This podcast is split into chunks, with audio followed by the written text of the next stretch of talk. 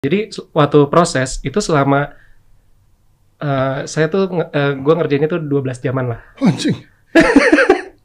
Tapi ada istirahat makan gitu. Jadi pertama, step pertama itu gue harus dibotakin dulu karena kan eh, yang gue mau nih banyak. Kalau cuman di sini doang mungkin nggak perlu dibotakin. Nah pas gue dibotakin, gue eh, itu di anestesi dulu bagian yang donor area. Donor area ada di mana eh, rambut kita bakal diambil. Nah itu gue diambil dari sini sampai sini. Nah itu di, di anestesi dulu satu-satu.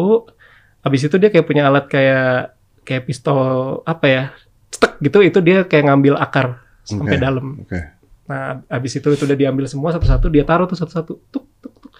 Nah, habis dia taruh semua, eh, itu darahnya kan banyak juga ya. Habis itu ya udah makan dulu gitu.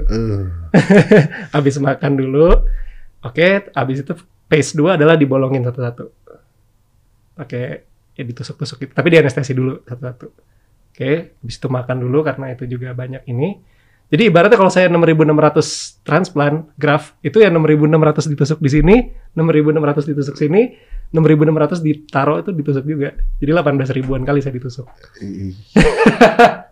Saya tapi lebih berani